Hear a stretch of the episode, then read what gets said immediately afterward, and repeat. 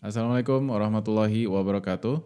Selamat datang di Developer Muslim Podcast episode 112 bersama saya Adinda Praditya. Halo, halo semuanya. Apa kabar? Senang sekali bisa nyapa lo semua lagi. Eh, semoga kabar lo baik-baik, sehat, tetap sabar dan tangguh melewati pandemi ini, ditambah berita-berita lucu sekaligus sedih.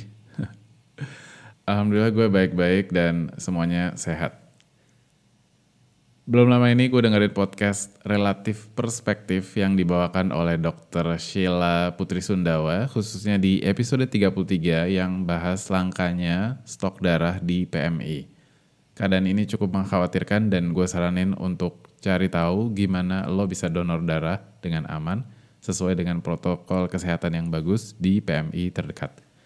Narasumber di episode itu dari PMI Pusat dan beliau udah menjamin setidaknya untuk uh, lima wilayah untuk Jakarta yaitu uh, Jakarta Utara, Timur, Selatan, Barat dan Pusat itu semuanya aman untuk berdonor. Gue yakin PMI di kota-kota lain juga begitu, cuma supaya lebih yakin uh, lo cari tahu dulu aja gimana prosesnya supaya menghindari kerumunan. Informasi lebih lanjut, gue saranin lo dengerin episodenya. Link akan gue masukkan di catatan episode. Selama pandemi ini, orang-orang yang bisa bekerja dari rumah tentunya jadi dapat ekstra waktu yang lumayan besar. Karena hemat waktu perjalanan ke tempat bekerja, pulang pergi, dan juga saat makan siang mungkin ya. Setidaknya itu teorinya. Tapi berapa banyak orang yang masih kesulitan untuk belajar sesuatu? Maksudnya memanfaatkan waktu ekstra ini untuk belajar sesuatu gitu ya. Uh, gue salah satunya gitu. Beneran, beneran. Maksudnya meskipun belajar sesuatu yang nggak terlalu jauh dari background kita, misalnya belajar programan yang baru misalnya atau yang lain, tetap aja itu nggak semudah yang dibayangkan. Kalau nggak punya strategi dan kemauan yang keras, itu nggak akan sukses. Nah, tahun lalu gue nemu tweetnya Mbak Eri yang baru menyelesaikan tantangan 100 Days of Code, hashtag 100 Days of Code. Dan Alhamdulillah beliau bersedia berbagi pengalamannya. Buat yang belum tahu, 100 Days of Code hashtag itu adalah tantangan terbuka untuk ngoding selama satu jam setiap harinya selama 100 hari. Selain itu, aturan utamanya adalah lo harus nge-tweet perkembangan ini setiap hari dengan hashtag 100 Days of Code menurut gue tantangan ini lumayan berat meskipun untuk developer. Sementara Mbak Eri ini nggak punya latar belakang pemrograman atau bahkan juga dari ilmu eksakta juga nggak punya gitu ya. Jadi gue bisa bayangin gimana susahnya merubah paradigma seseorang untuk mengerti konsep-konsep pemrograman. Belum lama ini gue sama istri yang beliau ini lulusan fakultas teknik itu belajar machine learning bareng. Waktu itu kita menelusuri dasar algoritma k nearest neighbors dan istri gue agak kesulitan gitu ngelihat rumusnya. Maksudnya dia bilang, nah kalau misalnya k-nya sekarang dua, itu gimana? Atau k-nya sekarang sama dengan tiga, itu gimana jadi rumus hasilnya gitu ya. Maksudnya dia melihat ini sebagai kasus per kasus gitu. Padahal kalau itu dipandang sebagai top 10 atau top 5, itu akan lebih mudah untuk dipahami gitu ya. Ya intinya gimana cara pandang seseorang dari latar belakang tertentu itu bisa dengan mudah bikin patah semangat untuk terus belajar secara mandiri. Gitu. Nah, jadi bisa dibayangkan beratnya tantangan ini untuk Mbak Eri. Nah, yang menariknya adalah banyak hal-hal yang beliau kerjakan itu menurut gue masuk dalam daftar cara-cara terbaik dalam belajar hal yang baru. Mulai dari mencari berbagai macam sumber, ikut komunitas, ngerjain kuis dan lain-lain gitu. Semuanya ini dilakukan setelah beliau ngerjain riset yang lumayan detail gitu. Pokoknya benar-benar luar biasa dan lu harus dengerin pengalaman ini karena banyak tips dan sumber alternatif untuk belajar. Baik, ini dia obrolannya. Selamat mendengarkan. Baik, Alhamdulillah gue udah terhubung sama Mbak Eri Haryono, Chief Strategic Officer di Aldana Markom, uh, yang uh, berhasil menyelesaikan challenge yang 100 Days of Code. Selamat datang Mbak Eri, silakan kenalin diri. Terima kasih Mas Dida. Assalamualaikum. Waalaikumsalam warahmatullahi wabarakatuh. Iya, iya gimana? Uh, bisa kenalin nggak kayak background gitu uh, sebelum dari sebelum itu kali ya, dari sebelum ngerjain challenge itu kali ya, 100 days of code itu. Ya, saya hari-hari sebagai Chief Strategic Officer di Alana Markom dan kebetulan Alana Markom juga saya yang mendirikan sejak tahun 2014 sampai sekarang, Alhamdulillah. Ya. Fokusnya kita di digital marketing dan banyak berkaitan dengan pengerjaan website. Nah, waktu itu ada beberapa hal pengerjaan website ya yang harus melibatkan kode-kode seperti JavaScript. Tapi waktu itu karena saya belum belajar coding khusus seperti pada waktu 100 days of 100 days of code yang challenge. Huh? Ya sekedar seperti main copy paste aja sih tanpa ngerti ini apa, tujuannya untuk apa, terus arahnya mau ke mana, seperti itu mas. Hmm, Oke, okay. oke, okay. ya berarti uh, projectnya itu lebih banyak ke apa microsite atau kayak CMS atau gimana? Atau custom atau, atau semuanya? Ya karena kita untuk kebutuhan teman-teman di bidang bisnis jadi lebih banyak di CMS-nya juga. Dan nggak hanya website, kadang-kadang untuk hal-hal tertentu lainnya juga melibatkan kode-kode tertentu sih, Mas. Seperti kode JavaScript yang paling sering saya perhatikan itu yang paling sering dipakai ya kalau untuk urusan digital marketing. Ya, terus tiba-tiba bisa tertarik dan akhirnya ngerjain dan bahkan selesai ngerjain 100 days of code itu apa? Awalnya sih uh, iseng-iseng mulai riset ya tentang bahasa pemrograman, tentang gimana cara belajar coding. Ternyata di internet itu ada banyak banget sumber gratis dan bagus-bagus banget buat kita bisa belajar coding, terutama yang berkaitan dengan website, misalnya seperti bahasa HTML, CSS, dan JavaScript. Selama kita hmm. rajin, pasti kita dapat semuanya yang gratisan dan juga harus tahu juga tujuan utama kita mau ke mana dan mau ngapain setelah itu. Karena yeah. kalau kebanyakan mau dipelajari, bingung juga ya mana yang skala prioritas pertama. Akhirnya ketemu ada artikel tentang 100 Days of Food. Kemudian saya tertarik mengikuti karena kalau nggak dipaksakan seperti itu, kayaknya saya belajarnya jadi nggak tentu arahnya ya. Jadi hmm. istilahnya belajar ke mana-mana dan nggak jelas. Jadi saya putuskan ikut challenge 100 Days of Food. Katanya juga bisa untuk sekaligus menanamkan kebiasaan itu kita butuh waktu 100 hari minimal katanya sih seperti itu ya. Fokusnya waktu itu memang saya hanya untuk yang berkaitan dengan website ya, seperti hmm. bahasa HTML, CSS, dan JavaScript. Jadi saya benar-benar ingin menguasai basicnya dulu, pemahamannya secara logika dulu, karena bagi saya yang penting seperti membangun rumah, kita harus kuat di fondasinya. Karena percuma juga kalau kita bangun dua lantai, kalau fondasinya rapuh, jangan kan kena gempa, mungkin kena banjir juga udah bisa rubuh rumahnya kan. iya, iya, iya. Iya. Cuman kan maksudnya sebelum itu gitu loh. Karena background Mbak, apa sih? Backgroundnya apa sih Mbak tadinya? Saya bidang sekolahnya dulu ambil sekolah di Fakultas Hukum. Uh, kemudian sempat bekerja sebagai legal officer selama beberapa tahun, hmm. kemudian pindah ke lembaga penelitian beberapa tahun, baru setelah itu hijrah ke digital marketing sejak tahun 2014, full di Aldana Markom sampai sekarang. Nice. Iya, dari dari situ mungkin apa mungkin uh, kayak uh, kendalanya atau kayaknya mungkin terkena masalah yang sama gitu mengenai mengenai codingan ini atau mengenai apa kayak teknisnya di dari website sehingga jadi pengen ikut sebenarnya apa sih dalamnya itu gitu. Terus akhirnya pengen pengen Maksudnya jadi, alasannya kenapa ikut? Iya ya, sebelum nyari nyari itu gitu. awal awalnya saya ya karena tertarik riset untuk mencari-cari tentang belajar bahasa HTML, CSS dan JavaScript karena banyak melibatkan uh, ini untuk pengerjaan website dan digital marketing juga karena saya perhatikan tiga bahasa itu yang paling banyak dipakai untuk urusan website dan digital marketing.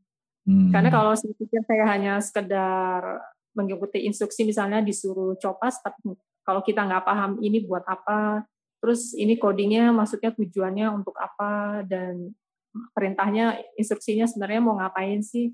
Ya bahaya juga kan buat kita.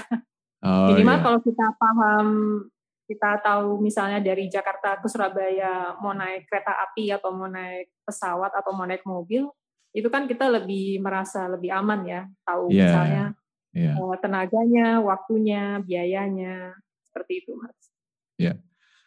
Berarti eh, sebagian proyeknya Mbak sendiri yang ngerjain ya?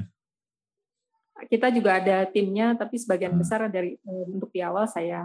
Hmm, iya iya. Terus makanya juga ada apa namanya pengen lebih dalam lagi supaya mungkin lebih optimal atau lebih eh, bagus lagi gitu. Atau misalnya kalau lagi ada masalah jadi lebih lebih ngerti gimana nyelesainnya gitu kali. Iya betul. Karena setelah saya pelajari mak- semakin hari tentang digital marketing itu tidak hanya melibatkan tentang marketing saja. Kalau marketing aja kita belajar tentang psikologis, kebiasaan orang, eh, perilaku konsumen. Iya Nah, iya begitu iya. kita masuk ke dunia digital, itu mau nggak mau, suka nggak suka, ya melibatkan bahasa pemrograman, antara lain seperti JavaScript ya. Kalau Iya, kita iya. nggak paham sama sekali, itu seperti kita masuk dalam gua hantu. Iya karena kan lebih kayak kenyamanan orang waktu datang ke situs marketingnya itu kan kenyamanannya harus dijaga, maksudnya di, dikawal sehingga eh, target marketingnya itu sesuai gitu ya. Iya betul, itu Benar untuk iya. urusan marketingnya ya. Hmm, Tapi kalau untuk urusan codingnya, walaupun kita nggak menguasai sebagai master JavaScript atau bisa membuat software dari nol sampai yang dahsyat banget, minimal kita paham analoginya dan logikanya itu seperti apa sih bahasa pemrograman. iya. Karena kalau kita nggak paham sama sekali itu bisa bikin frustasi juga sih kalau kita mengerjakan website atau digital marketing. Karena ya itu Iya. tadi suka-suka, seneng-seneng pasti melibatkan bahasa coding. Iya, teknologinya harus mendukung sama tujuan itunya ya, tujuan market marketingnya ya. ya sesuai dengan istilahnya digital marketing ya ada 50-50 ada tentang digitalnya ada tentang marketingnya kalau tentang Hmm. digital kita bicara tentang dunia internet pasti yang menguasai kan yang menguasai bahasa coding Iya, iya. seperti itu Oke. Oke. Ya, terus mungkin eh, dilanjutin lagi. Jadi eh, kan nemu artikel, nemu artikelnya apa isinya apa yang yang bisa ngerubah itu? ya saya tertarik karena itu tadi ya 100 hari itu konon menurut ahli psikologi menurut ahli NLP bisa merubah kebiasaan orang atau bisa menanamkan lebih dalam tentang keahlian dan itu harus dilakukan secara rutin setiap hari selama 100 hari itu. Dan jujur aja sama sekali nggak mudah. Apalagi kalau background-nya bukan dari teknik ya. Iya, kalau iya background benar-benar. dari sosial, dari politik, mungkin atau dari sastra, bukan berarti nggak bisa, tetap bisa asal punya passion yang kuat untuk utak-atik dan senang menyelesaikan masalah dan Benar. senang dengan teknologi juga. Kalau kita nggak punya basic itu akan terasa sangat-sangat besar sekali tantangannya. Iya, iya. Em, mungkin buat yang belum terlalu familiar sama 100 Days of Code eh, challenge ini, eh, bisa jelasin nggak itu apa sih? Apa dari satu badan tertentu atau hashtagnya bisa Ya, dipakai satu bareng-bareng? Ada satu di dunia komunitas software engineer. Saya ikut komunitasnya di Twitter. Itu dia komunitasnya cair karena memang kan banyak sekali yang teman-teman dari programmer atau software engineer ada di situ semua. Heeh, Dia berinisiatif untuk apa ya istilahnya melakukan gerakan ini 100 Days of Code. Dan ternyata nggak hanya untuk di bidang coding, ternyata untuk bidang-bidang lain ada juga. Dan saya lihat kalau yang teman-teman baru mulai belajar coding, ini banyak sekali yang mengikuti 100 Days of Code. Dan itu saya sangat jadi terinspirasi, jadi terpicu, termotivasi, dan akhirnya ikutan juga. Walaupun nggak mudah. Iya, iya. Materinya gitu yang milih siapa dan lain-lain supaya belajarnya terurut itu gimana? Saya sendiri sih, karena saya dasarnya juga ada keahlian untuk penelitian atau bidang riset di pekerjaan saya yang sebelumnya, sebelum Ah. saya beralih ke digital marketing. Iya. Jadi kurang lebih basic keahlian saya sebagai tukang riset itu ada juga di situ. Oh, uh, uh. Jadi semua saya bikin seperti mind mapping besar, seperti model Tony Buzan itu kan terkenal dengan mind mappingnya ya. Yeah, saya iya, senang yeah, yeah. jadi saya bisa melihat oh mana yang bagus buat untuk basic, mana yang enggak. Kan tiap orang beda-beda ya cara dan gaya belajarnya. Iya, yeah, iya. Yeah. Oh gitu. Eh, berarti ini ya apa namanya? Gimana mulainya gimana? Aku juga bingung. Mungkin bisa apa insight-nya bisa diinin lagi kita? Um, bisa dari mulai free code camp. Oh, gitu. Itu mereka ada menyediakan kurikulum belajar coding secara gratis hmm. dan mereka bagus sekali kurikulumnya sangat terstruktur dengan baik Hmm. Kalau kita bisa sediakan waktu sehari minimal satu jam rutin setiap hari dan telaten itu ya insya Allah enam bulan sih bisa selesai ya. Hmm. Yeah, iya. gitu. Yeah. Tapi kalau mungkin ada beberapa orang yang susah untuk mengikuti free code camp, ada satu lagi yang bisa saya sarankan untuk melihat dan merasakan dulu uh, five days of challenge ya itu dari uh, Julia, Julia Taylor namanya dia yang membuat itu. Uh-huh. Itu bagus untuk melihat misalnya kita sebenarnya cocok nggak sih di bidang coding mungkin buat teman-teman yang mau untuk berprofesi di bidang software engineer uh, atau iya, iya. di bidang membuat website bisa merasakan dulu selama lima hari itu uh, dia akan memberikan semacam apa ya Eh, hal-hal uh, yang praktis untuk mengenal dunia website dan coding, tapi nggak terlalu mendalam. Tapi bagus buat untuk orang yang sama sekali nggak kenal coding. Jadi mereka bisa tahu ini sebenarnya cocok nggak sih buat gue gitu. Oh, Jadi iya. tanpa harus selalu yang 100 hari itu ya. Hmm. Yang 100 hari itu memang untuk orang yang benar-benar mau serius uh, memahami belajar coding secara basic. Iya iya. Waktu itu nemuin yang yang five days ini sebelum apa sesudah atau uh, ininya gimana? Sesudah yang 100 Days of Code itu. Hmm. Iya. Iya, iya, iya. Karena memang banyak banget uh, bahan-bahan atau pembelajaran yang gratis tuh yang bagus-bagus di internet. Yeah, Ada yeah. juga yang modelnya dia modelnya games online, tapi bukan sekedar main game, tapi kita harus memberikan uh, bahasa coding misalnya JavaScript supaya kita bisa menang dalam setiap Hmm, babak pertarungan di game online itu. Hmm. Itu lebih seru lagi. Iya, iya, iya. Ya. Atau bisa juga ikut ada komunitas namanya Cingu. Dia itu bikin semacam apa ya online project management. Jadi kita dari seluruh dunia bisa membuat satu tim, satu tim biasanya sekitar 4 sampai 5 orang membuat satu project dan biasanya sesuai dengan kemampuan atau keahlian kita. Untuk yang baru pemula biasanya disarankan untuk membuat landing page dulu yang paling mudah hmm. dengan bahasa yeah. CSS, HTML dan JavaScript. Wah, dan itu sangat ya. karena ya difasilitasi, difasilitasi dengan gratis, semuanya terstruktur dengan rapi dan baik seperti itu dan juga ada pembelajaran untuk pair programming juga. Jadi kita oh, belajar wow. mengatasi satu coding challenge misalnya dari Cold Wars atau dari Code Riots itu banyak banget ya bisa hmm. kita programming dengan teman-teman yang ada di Cingu tersebut. Iya iya iya, wah menarik banget. Terus bisa jadi mentor gitu nggak sih? Atau ada mentornya nggak?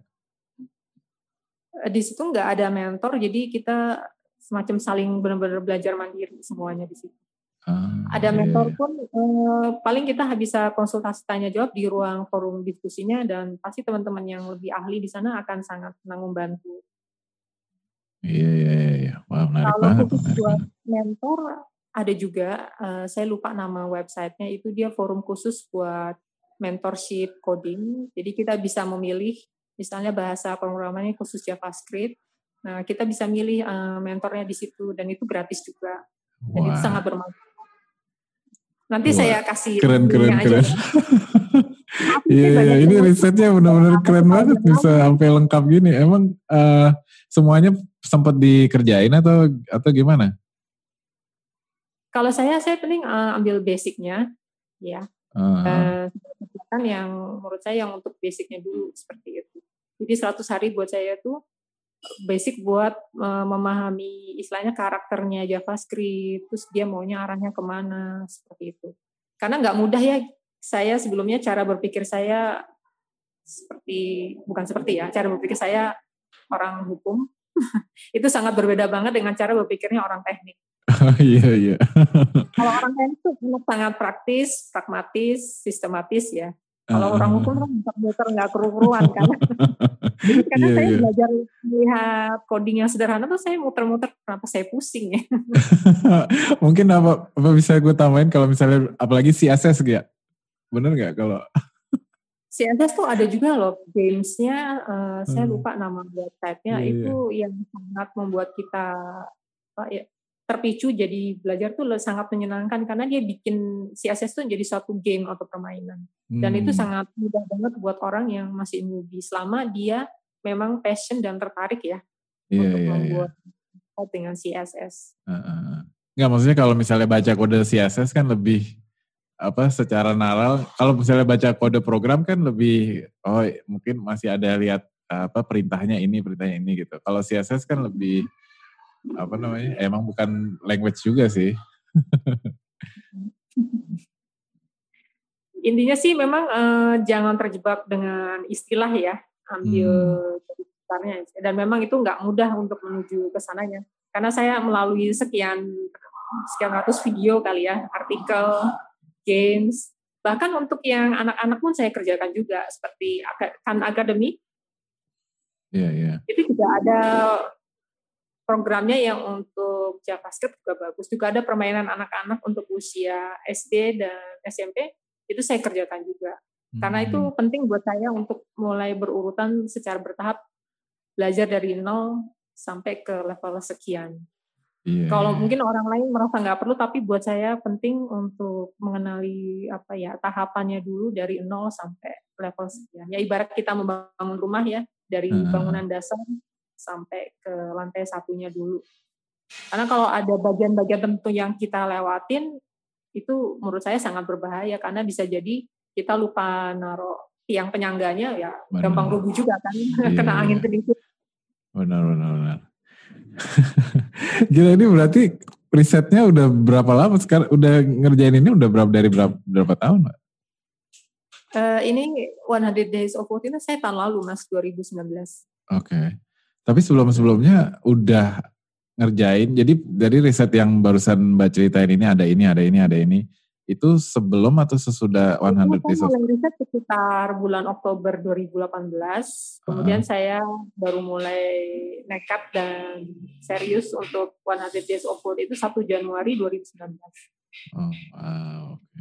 Dan kemudian yeah. saya juga ikut dalam satu project apa ya istilahnya bikin semacam game sederhana. Ada waktu itu saya ketemu teman-teman di komunitas Code Buddies. Ya saya ikutan aja cuma uh, walaupun saya nggak paham banget tentang JavaScript, tapi saya berusaha memaksa untuk ikut supaya saya bisa langsung mengerti ini gimana sih caranya kalau mau bikin web app seperti itu.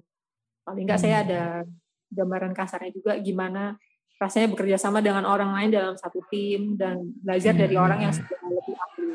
Jadi kurang lebih ya mentor saya ada banyak juga sih, nggak cuma satu orang, tapi memang ada satu orang yang sangat membantu sih. Iya iya.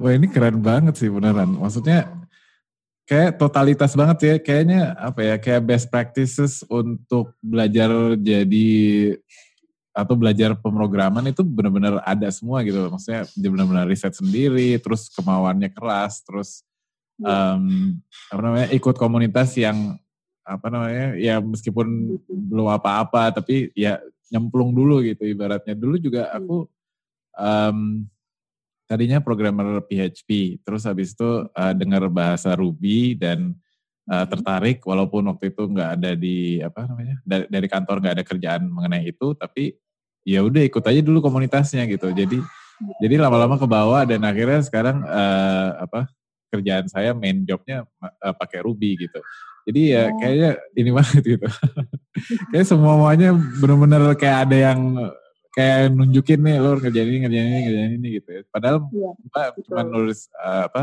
cuman ngikutin apa yang make sense buat Mbak gitu ya dengan dengan keadaan Mbak gitu ya. Iya. Jadi kalau belajar sendiri itu memang butuh kemauan yang sangat kuat banget, passion yang kuat, dan terutama support dari komunitas juga, sama hmm. kalau bisa ada mentor juga. Karena kalau nggak ada itu semua, pasti gampang nyerah.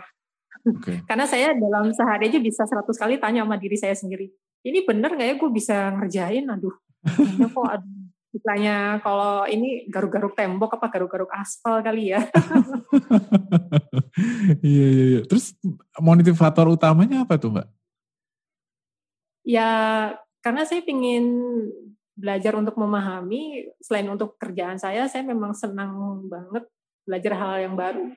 Hmm. Tiap hari saya harus merasa belajar hal yang baru. Kalau enggak saya rasanya kok hidup saya kurang ini ya, kurang bervariasi gitu, kurang berwarna. Hmm. Iya iya.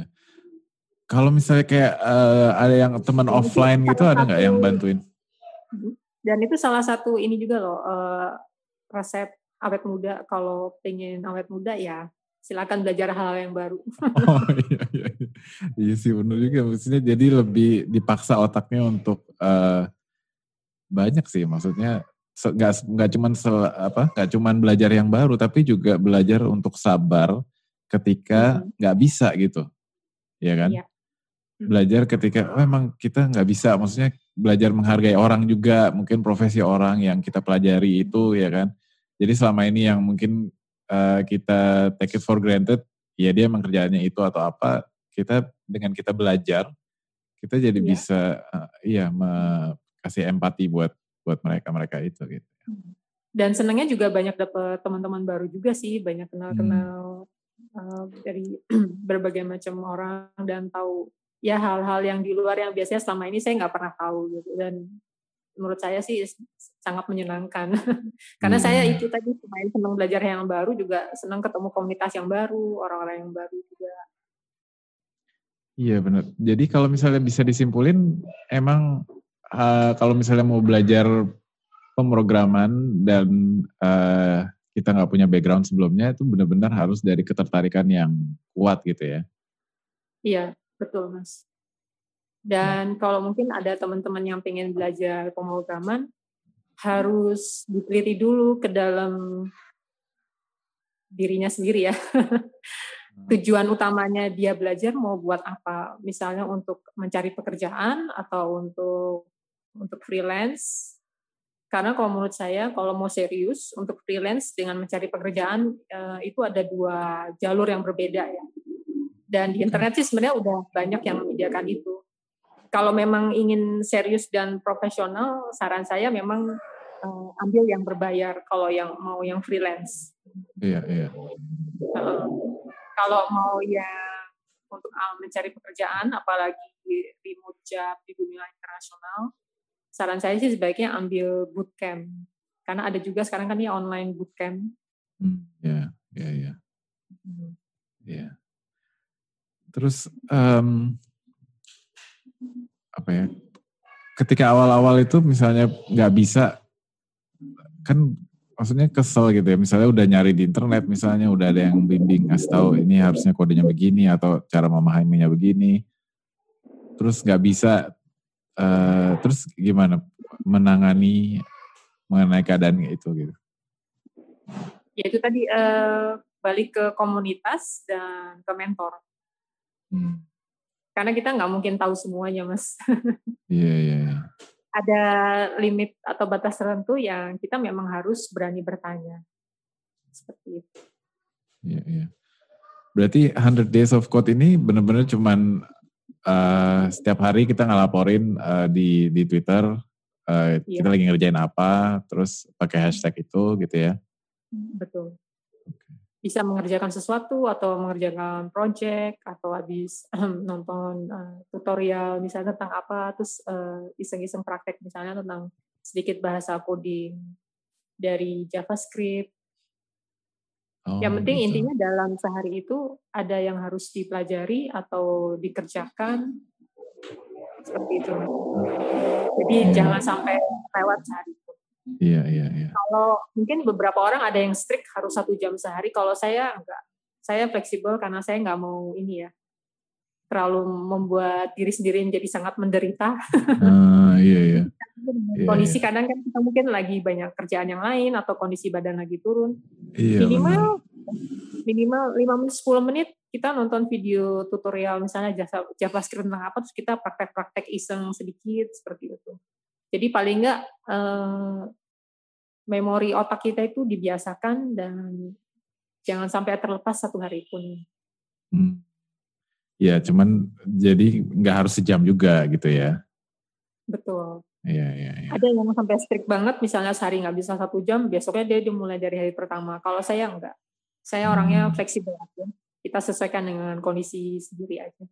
Benar, benar, benar. Dan kayaknya yang yang menggagas eh, challenge ini juga uh, ya ini cuma kerangka doang gitu ya. Maksudnya prakteknya ya kembali ke orangnya masing-masing gitu kali ya. Betul kan juga ini kan bukan suatu peraturan undang-undang. Iya. Kembalikan kepada situasi dan kondisi masing-masing. Iya, iya, iya.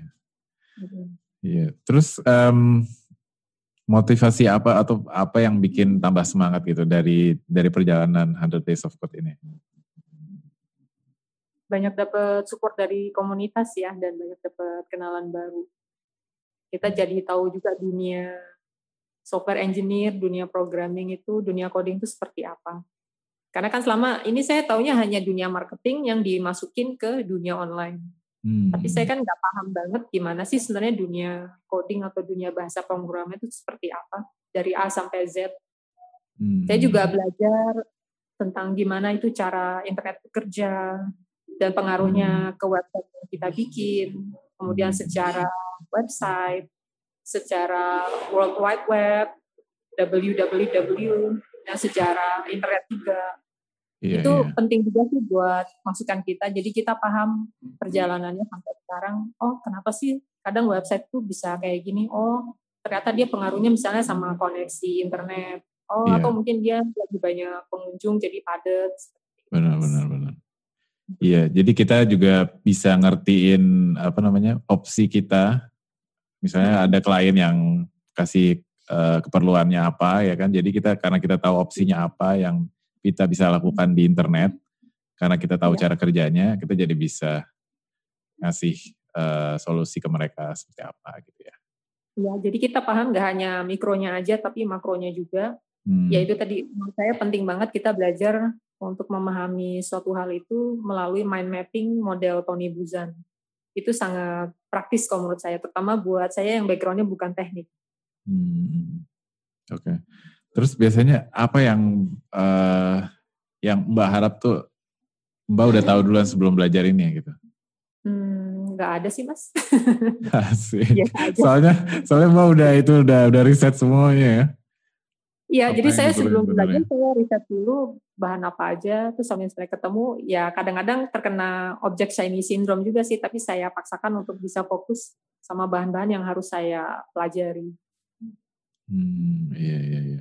Terus taunya uh, misalnya suatu pemrograman atau suatu framework atau yang shiny shiny itu itu bukan buat kita sekarang ini, itu nentunya gimana? Ya itu tadi mas kembali ke mind mapping yang kita buat oh, itu patokan okay. kita supaya kita nggak melebar ke mana-mana supaya bisa tetap fokus hmm, okay. mungkin Terus sedikit ngecek yeah. atau apa mungkin nggak apa-apa tapi kalau bisa memang waktunya fokusnya di yang di mind mapping itu sih hmm, oke okay. Terus mind mappingnya itu dimodifikasi berapa lama, berapa kali sehari atau per seminggu atau? Hmm, Nggak tentu sih mas, random aja. Random. Sesuai dengan kebutuhan aja. Oh, Oke. Okay. Cuman mungkin ada kayak time boxnya gitu. Oh udah sebulan nih nggak gue update atau gimana gitu? Nggak juga. Nggak juga. Oke. Okay. Terus gimana maksudnya supaya supaya kita nggak apa namanya ke, keterusan dan akhirnya melupakan itu gimana ininya? Jaga-jaganya gimana? Ya paling kalau misalnya 100 hari kan sekitar tiga bulan ya mas ya dikasih ah. ancer-ancer itu misalnya HTML nggak lebih dari sebulan, CSS nggak lebih dari sebulan, JavaScript seperti itu selanjutnya. Ah. Karena nggak ada harus patokan yang ketat banget sih. Hmm. Tergantung ini gimana kita mengukur diri sendiri aja sudah sampai sejauh mana pemahaman kita untuk HTML sama CSS. Kalau kita udah paham untuk melatihnya lagi, memang butuh waktu. Kalau kita mau ketat dengan time frame yang 100 hari, ya sebaiknya lebih banyak fokus di JavaScript ya, karena itu kan lebih Oh iya. kendalanya bukan kendala, tantangannya lebih besar, terutama untuk detailnya teknik. Jadi setelah uh, udah dapat uh, challenge ini, terus apa perubahan apa yang apa kayak misalnya, wah gue udah dapat uh, kayak power baru istilahnya gitu kan, skill baru gitu yang benar-benar bisa hmm. gue bisa melakukan sesuatu yang real dan bisa dilakukan dengan uh, ya mungkin layanan-layanan gratis yang bisa gue pakai dan bisa gue manfaatin gitu. Merasa kayak gitu nggak atau apa yang yang Uh, ya alhamdulillah lebih percaya diri kalau melihat bahasa coding udah nggak terlalu pusing lagi. Paling nggak bisa tahu ah, kira-kira arahnya mau ke mana. Seperti itu mas. Jadi ngelihatnya tuh nggak seperti bahasa alien dari planet lain. Oh iya. Waktu itu yang mbak kerjain eh, kurikulum dari Freecode Camp gitu ya? Atau ada yang spesifik lagi bisa di ini nggak? Ada beberapa sih, ada banyak sih mas, nggak hanya Freecode Camp. Oke. Okay. Hmm.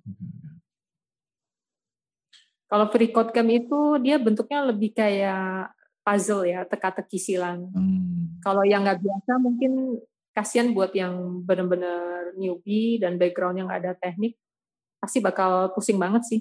Iya iya. Uh. Saran saya ikut yang lima hari dulu aja yang dari Julia Taylor. Oke. Okay. Habis itu kalau misalnya itu langsung ke 100 days atau lihat kurikulumnya dulu atau gimana? Ya kembalikan ke tujuan utamanya dulu mas. Mau bercita-cita jadi software engineer, mencari pekerjaan sebagai software engineer, atau sebagai freelance. Yeah. Kalau sebagai freelance, itu berarti kan harus banyak berhubungan dengan dunia bisnis ya. Hmm. Saran saya sih lebih baik WordPress. Yeah, yeah. Uh, selain HTML, CSS, JavaScript juga PHP ya. Walaupun tidak harus jago banget bahasa PHP, paling enggak mengenali ini karakternya seperti apa sih makhluk yang satu ini. Iya, iya, iya. Oke. Okay. Nah. Terus sekarang berarti uh, yang Mbak pelajari itu apa? Uh, JavaScript aja atau dengan frameworknya atau gimana? Sejauh mana? JavaScript aja. JavaScript aja, Mas. Hmm, iya, iya. Bagi saya tadi kembali ke awal lebih penting benar, benar. bagi saya untuk membangun yang kuat, fondasi untuk cara berpikir, eh, logika dan analoginya. Yeah, yeah. Karena kalau gitu kita nggak bisa pegang, mau dikasih apa juga ya bingung sendiri nanti. Iya iya. Oke oke. Nice. Kalau framework itu kan sebetulnya basicnya juga dari bahasa-bahasa JavaScript juga kan hmm. sebagian. Kalau udah menguasai satu bahasa, untuk ke bahasa pemrograman yang lain sih katanya sih nggak susah iya, selama iya, kita benar, bisa benar. menguasai. benar benar benar. Oke, okay. terus ada yang terbantu nggak proyek-proyeknya apa misalnya mungkin dari dari fiturnya atau apanya gitu yang pakai? Ya, lebih banyak untuk pengerjaan sehari-harinya aja sih mas. Uh. Ya bagian ada pakai bahasa-bahasa coding ya.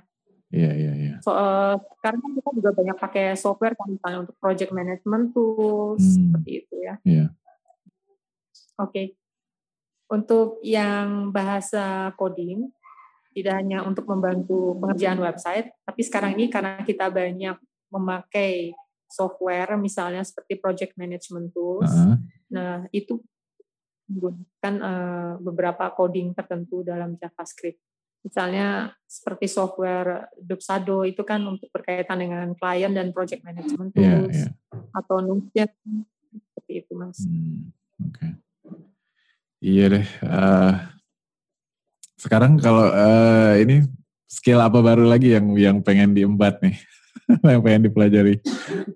Belum dulu mas. Untuk sementara mengendapkan dulu yang ada dulu. Oh, nice. Oke. Okay. Terus kalau misalnya uh, apa buku atau uh, apa teori atau hal yang lagi yang lagi diincer-incer pengen di apa ditelusuri apa? Hmm, belum ada lagi sih mas. Oke. Okay. Sementara ini lagi mengistirahatkan otaknya dulu. Oke, iya iya iya. Kami kalau terus-terusan belajar kita nggak sempat untuk mengendapkan dan mempraktekkan juga sayang juga kan ya. Iya iya iya. Iya iya iya. Terus kalau misalnya itu ada waktu untuk suka masih suka nonton tutorial gitu-gitu nggak sih? Waktu itu atau sekarang? Sekarang sekarang ini. Oh enggak mas. Ah, iya iya. Iya iya. Paling apa mantau komunitas atau apa gitu se seadanya sebisa ininya sekenanya aja ya. Iya betul. Karena kan kalau misalnya ada kesulitan yang kita sama sekali nggak paham, kita bisa tanya ke komunitas juga. Iya okay. hidup dibuat mudah aja, jangan dibuat sulit. Oh iya. iya. benar banget, benar banget. Sama kita masih ada tempat yang bisa bertanya ya, kita tanya yang lebih ahli aja. Iya iya iya. Iya iya. Oke, kalau boleh saya sedikit sebagai penutup ya, mm -hmm. saya kepingin bang, ini cita-cita dan harapan saya nih ya. Uh, jadi saya ingin ada dari adik-adik yang yatim piatu, yang dari kaum duafa, selain membuat menjadikan mereka hafiz atau habisah, saya ingin mereka juga ada skill atau keahlian praktis yang bisa langsung bisa langsung digunakan untuk uh, sehari-hari. Misalnya ya seperti itu tadi bahasa coding atau membuat website atau membuat web app. Iya, iya, iya. Jadi saya ke depan ya semoga saya ada kesempatan untuk mewujudkannya. Iya, iya, iya. Ini mind mappingnya lagi work in progress nih kayaknya nih. Iya, karena saya mengutamakan untuk kalau bisa dari ilmu yang saya pelajari walaupun belum banyak, paling enggak minimal bisa bermanfaat dan berkah gitu ya iya, buat iya, membantu benar, orang lain. Benar, benar, benar, benar. Terus uh, ya. sekarang nulis di uh, suka nulis di blog atau di medium gitu kan sih, Mbak? Nanti kalau misalnya oh, kita kita tunggu-tunggu juga mungkin artikel dari Mbak. Saya paling kadang kadang-kadang aja posting di LinkedIn aja, Mas. Oh, oke. Okay. Ya, ya, ya. Nanti ya. disertakan di catatan episode kalau misalnya orang-orang mau lihat. Nanti saya share di LinkedIn. Nanti bisa juga saya share juga link-link tutorial atau untuk belajar coding online yang praktis ya. Iya, iya. Yang dan yang gratis. Iya, sama teori yang mind mappingnya itu juga kayaknya uh, seru juga sih itu rahasia. rahasia. Cuman kan eh, apa bukan itunya, maksudnya oh, mungkin teorinya atau atau uh, uh, apa namanya? Mungkin ada orang yang ngajarin itu misalnya atau ya apa pun lah yang berkaitan sama itu gitu. Gak harus mind mapping ya, maksudnya hasil oh, akhirnya, tapi proses ininya dari orang lain itu seperti apa gitu. Kalau saya sangat, saya sangat menganjurkan teman-teman bisa cek di Google cari mind mapping Tony Busan dan belajar sendiri melakukan mind mapping. Kenapa saya sangat menganjurkan ini? Karena tiap orang itu saya percaya beda-beda karakter, beda cara dan gaya belajar, Mas. Hmm. Jadi sebaiknya sendiri arahannya, Mas. Jadi fokusnya utamanya kembalikan dulu ke tujuan utamanya mau ke mana. Yeah, yeah. Mau jadi software engineer kerja di kantor atau mau freelance. Yeah, yeah. Seperti itu, Mas. Mm -mm. Oke okay deh. Um, Terima kasih banyak nih Mbak Eri. Udah ya, ngobrol-ngobrol ya, benar-benar insightful banget, benar-benar uh, baru banget uh, ininya, masukan-masukannya dan uh, iya gimana bisa ngerjain itu semua. Uh, itu benar-benar keren ya. banget sih. Semoga bermanfaat ya buat teman-teman semuanya yang mendengarkan podcast ini. Iya. Barokahullah. Amin wa iya, Assalamualaikum. Waalaikumsalam warahmatullahi wabarakatuh. Baik, itu tadi insight dan tips yang banyak dari pengalaman Mbak Eri Haryono, Chief Strategic Officer dan Co-Founder Aldana Markom. Benar-benar luar biasa. Semoga bisa jadi inspirasi dan motivasi untuk kita semua. Dan ingat, belajar sesuatu yang baru itu bisa memperlambat penuaan. Wah, dari sekian banyak itu doang yang gue ingat. uh, Link-link yang dibahas di episode ini bisa dilihat di devmuslim.id slash episode 112. Mbak Eri juga berbaik hati untuk berbagi kumpulan link sumber-sumber belajar untuk pemula. Silakan dikunjungi kalau ingin lihat lebih lanjut. Kalau lo suka dengan apa yang disajikan di podcast ini, setidaknya lo bisa bantu kasih rating yang bagus di mana pun lo dengerin podcast ini, terutama di Apple Podcast dan Google Podcast. Lo bisa ke anchor.fm slash devmuslimid untuk mendukung operasional podcast dengan memberikan donasi bulanan mulai dari satu dolar. buktikan kepedulian dan dukungan lo untuk podcast ini. Terima kasih secara khusus gue sampaikan untuk Mas Wibawa selaku editor. Pertanyaan, kritikan, saran, atau mau nawarin bantuan lainnya bisa kirim email ke devmuslimid at gmail.com atau DM gue langsung di Twitter atau di Instagram dengan akun yang sama at devmuslimid. Baik, gue pamit dulu. Sampai di episode Developer Muslim Podcast berikutnya, insya Allah. Wassalamualaikum warahmatullahi wabarakatuh.